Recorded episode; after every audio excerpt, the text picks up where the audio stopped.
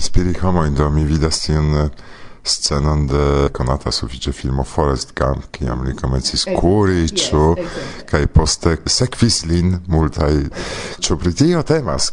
Do Silven pensis ke ni povas indiki pli malpli kie ni estas kaj homoj povas aliĝi al ni, sed mi devas diri al vi ke ni renkontis entute kvin homojn dum la tuta itinero, ĉar ĝi estis ekster la urboj en la naturo, estis indiciloi, ni bone orientigis, compreneble mi uzis apon, kai Silven uzis paperan mapon, kai ili ne ciam congruis, do ni iom disputis, eh, kai kelkfoje mi cedis, kelkfoje li, se tiu ideo nun ne realigis.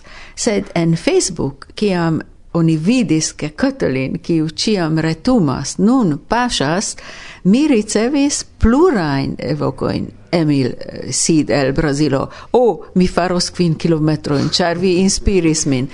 Au, giuste tiu signorino en Nijmegen diris, che kiam vi iris eh, ecde sabato dimanche mi promenis decdu kilometroin, ciuin mi ne faris. Do, shaine, mi estas conata, cae semi capablas plurai, tute prave pensas, che li capablas, do quelcae homoi ec movis sin.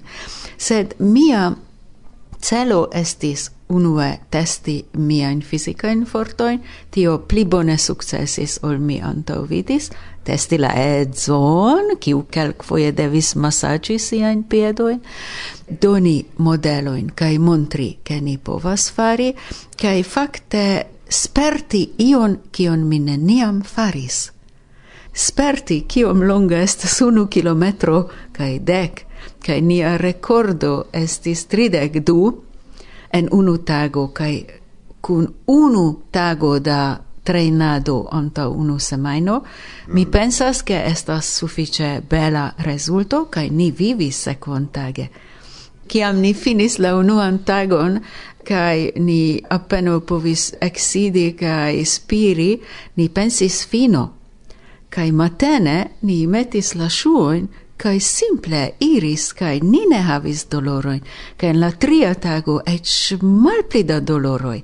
Do tio signifas ke oni simple devas fari la aferojn kai alkutimiĝi tre sage dosi pli kai pli. Do ni havis belan kurbon dec sep, dudec du, tridec du, dudec kai iu pinto, estis anco pluvo, iom sage, sed oni povas atingi aferoin kiu ni neniam imagis fari. Unu plei agrabla, dua plei malagrabla impreso, rimarco post tiu ci marciado? Mi ciu unu, sed tamen la admiro de la naturo, rimarki, vi povas vidi la fotoin, che ni rimarkis in afero in kai giuis dividi ilin, char eh, se dum laborante vi ne vidas, ne rimarkas tion. Ni faris duope, Gezza paro de decsep piaroi, do ĉu ni havas ancora ion por paroli? Kai ni vere parolis dum la unuae tri tagoi, constante char mi neniam volis halti, kai Silven plurfoje haltis, do ni kelkfoje sekvis unu la alian, kai iom lacigis, concentrigis, do ni malpli parolis, sed sperti che postium da jaroi vi estas, kiel oni diras, unu corpo. Tio estis mirinda, mi devas diri al vi, che ni estas felicei, kai kiam ni finis, ni estis tre fierai, oni povas vidi che li dansis sur stonoi en la lastai du kilometroi, mi curis sur stuparo, post cent quinde kilometroi, do tiui aferoi donis vere la messagion che ni estis felicai. Kai kiam sekvon tage doni iris heimen exacte cent quinde kilometroin per auto postio, kai ni rigardis, estas distanco kiu ni piede sukcesis fari. Kaj la sekvan matenon ni vekiĝis kaj Silven diris kaj kion ni nun faros. Do la mondo estis fermita por ni, ni ne sekvis la novaĵojn, nenion, kaj subite ni devis serĉi la vojon reiri al la mondo kai mi desiras al ciu mi neniam havis tio neniam havis ferio in tiom aliaen kai sen computilo ke oni devas isoli sin de la mondo. Oni provu eble du tagoin au unu au tri complete. Kai mi fieras ke mi povis fari tion char mi pensis ke mi neniam successus malagrabla? Do, malagrablajoi estis organizai nebone indicitai aferoi ca iom da disputoi. Doloroin ni havis en la corpo, sed ne extere. La plei malagrable estis pri kio Silven fakte metis filmon en educado, wow, en Facebook, char mi sis ke mi ne kapablas halti kai ni haltis foje post dudek kilometroi antaŭ dek du, kaj kiam mi devis, mi ne kapablis ekstari.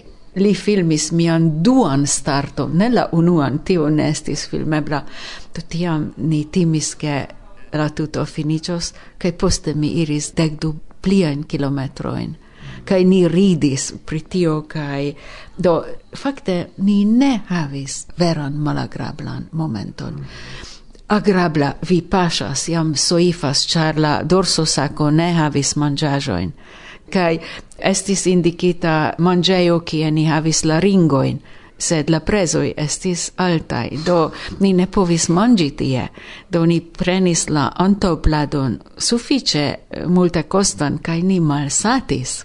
Ni ne havis mangiajoin, do tiajoi estis, sed ni trairis ancau malsatoin.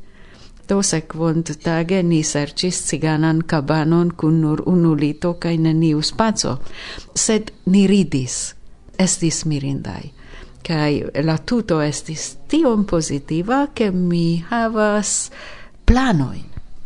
Prescau samtempe, iomete pli frue mi migris tra montaro, kaj ankaŭ mi iam tiujn distancojn, kiujn mi ĉiare denove trairis, ec ne rimarcis che mi trairas, ci foie iam mi sentis min che estis sufice multe, ec tro por mi cun dorso saco pesa, mi ne diras che mi suferis, sed mi sentis che la sidado antau la ecrano, antau computilo, sidado in laboreo, sidado heime, kai malpi kai malpli da movo causas che oni ne havas condicion simple la corpo igas pli kai pli malforta sed revenu ni al tiu sperto, tiu rimarco, che vi donis ilian exemplon por homoi.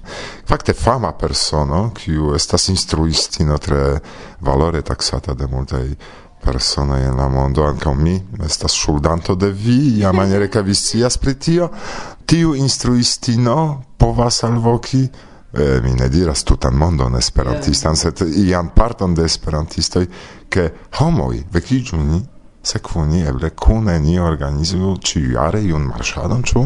Do mia nova plano, kiun mi unuan fojon diras nun publike kaj nur al unu homo diris ĝis nun, do vi estos informitaj de la unua buso, buso, ta ta ta tam. Do, fakte naskigis, char kiam mi diris en iu tranocteo, ca imagu ni, ni marsis tridec du kilometroin, ca la signorido diris, ca eh, kio matago, tria, ca ni estas ja quindac, o, oh, estas nenio, si diris, kvar tagoin sin sekve ciu tage quindac kilometroin.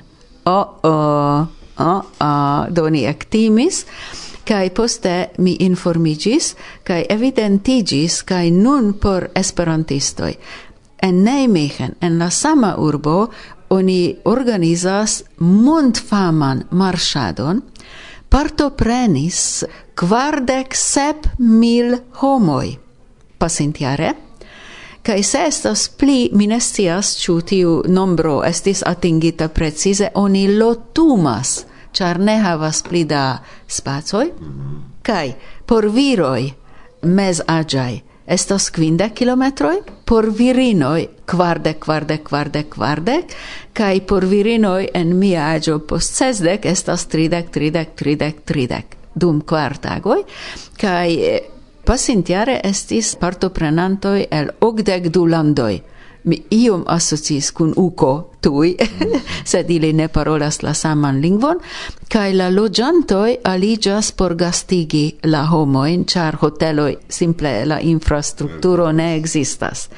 kai mi decidis treni min. Mi ne diras che mi povos, sed mi decidis treni min unue por la 30 kilometra char estas iu por tiu senior marchantoi viro virino 30 kilometra, Eventuale por la quarde kilometro mi havas tutan jaron. Mi rigardis la dato de uco taugas, cae tiel plu, sed ne taugas la abiturienta examenicio de mia filo, do estos familia problemo, sed mi trenas min sendepende, ciu mi startos au ne, Kai citie en Arkones, en Poznań, mi trovis Jessica kai Anna kiui marshis do ni tui decidis, ke verŝajne ni faros Esperanto grupeton por tiu marŝado en julio inter la dec sesa cae dec naua en julio en Nederlando. Niam pensas pri bone strukturigita designita eh, to cemiso kiu havas esperanton sur la brusto ne sub la dorso sako angla esperanto por propagandi.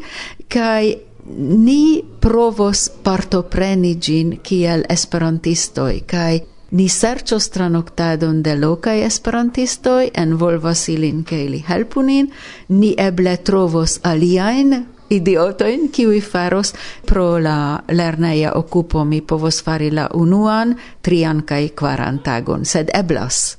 Oni permesas tion, se mi sukcesos, kaj ni ŝatus fari Esperanton, kaj mi per tio volas instigi homoin au kun marshi parton au sekvinin kai subteninin, do helpi pagi la ogdek euron partopren cotizon, fari ion por ke kelkai povu alveturi, char estas tiu costo, kai mi mem pasos por educado.net por collecti monon, sed mi volas atentigi homoin kaj ni volas montri Esperanton inter quardec sep mil homoi, char ni registriĝos sub la nomo de Esperanto kaj havos Informoj ĉe edukado net kompreneble kaj en en en, en Facebooko aperos kaj tiam sekvu simple ĉu?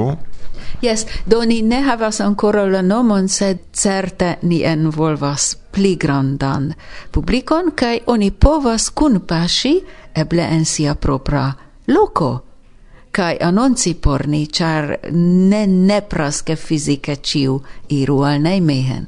Do ni shatus fari ion mi kiu neniam sportis post la dudeca iaraggio, sidas en fotelo nun invitas vin levi vian postajon kai ec paci, ec nagi, ec curi lau via desiro, char tiel ni pli forte batalos por la fina venco.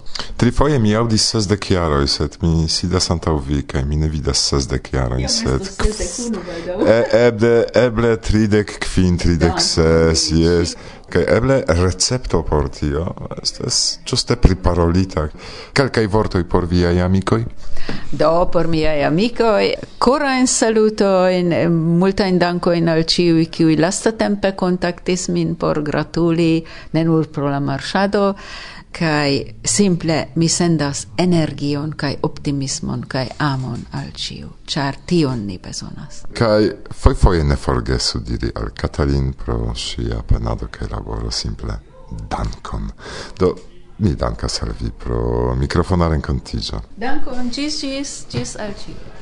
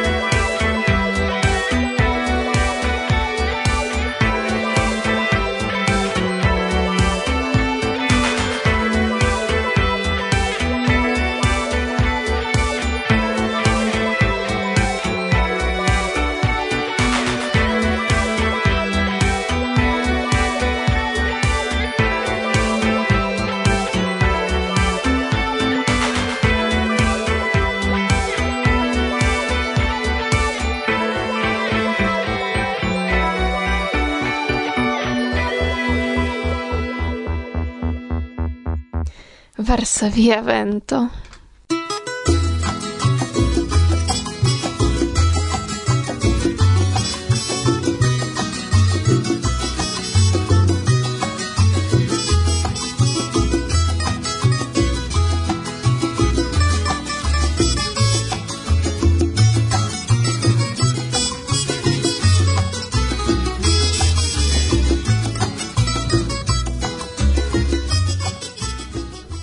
Saluton, mi estas Nicolau Dols, kai mi desiras proponi al vi poemoin de mia poemaro Pasio kai ancau de Quasau Fisho, kiu ancora ne aperis publike. Do bonvenon al mondo de mia penso kai saluton al vi ĉiuj.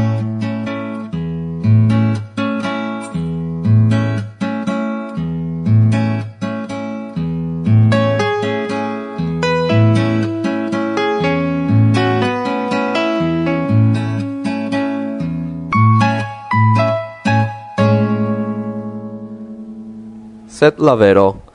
La vero kio estas? Antau iugisto mi silentis, certe.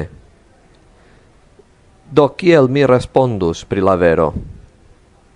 Kio estas la vero, li demandis. Kai mi suben rigardis miaim manoin. Jen la vero. Nenio ain pli taugas. Yes, mi laboris. Yes, mi luctis. Yes, caresis ancau, cae forvisis larmoin. Ciu ci tio ne veras, cio veras, pli ol vivo sur haute gravurita. Memoras mi auroron disirantan, nocton malantau via flanco lite, cae elversantan lun radion cien sur corpo via vi ancora dormis. Aere mi desegnis nur per manoi vian oran profilon contra tempo cae spazio. Nur per manoi mi gim faris. Ciu vi povas compreni kie cusas vero en mi? Cae yes, vi tute pravas. Nur duonon de gi mi nun posedas la alian duonon viam scuis, kiel venkista flago dum adiau.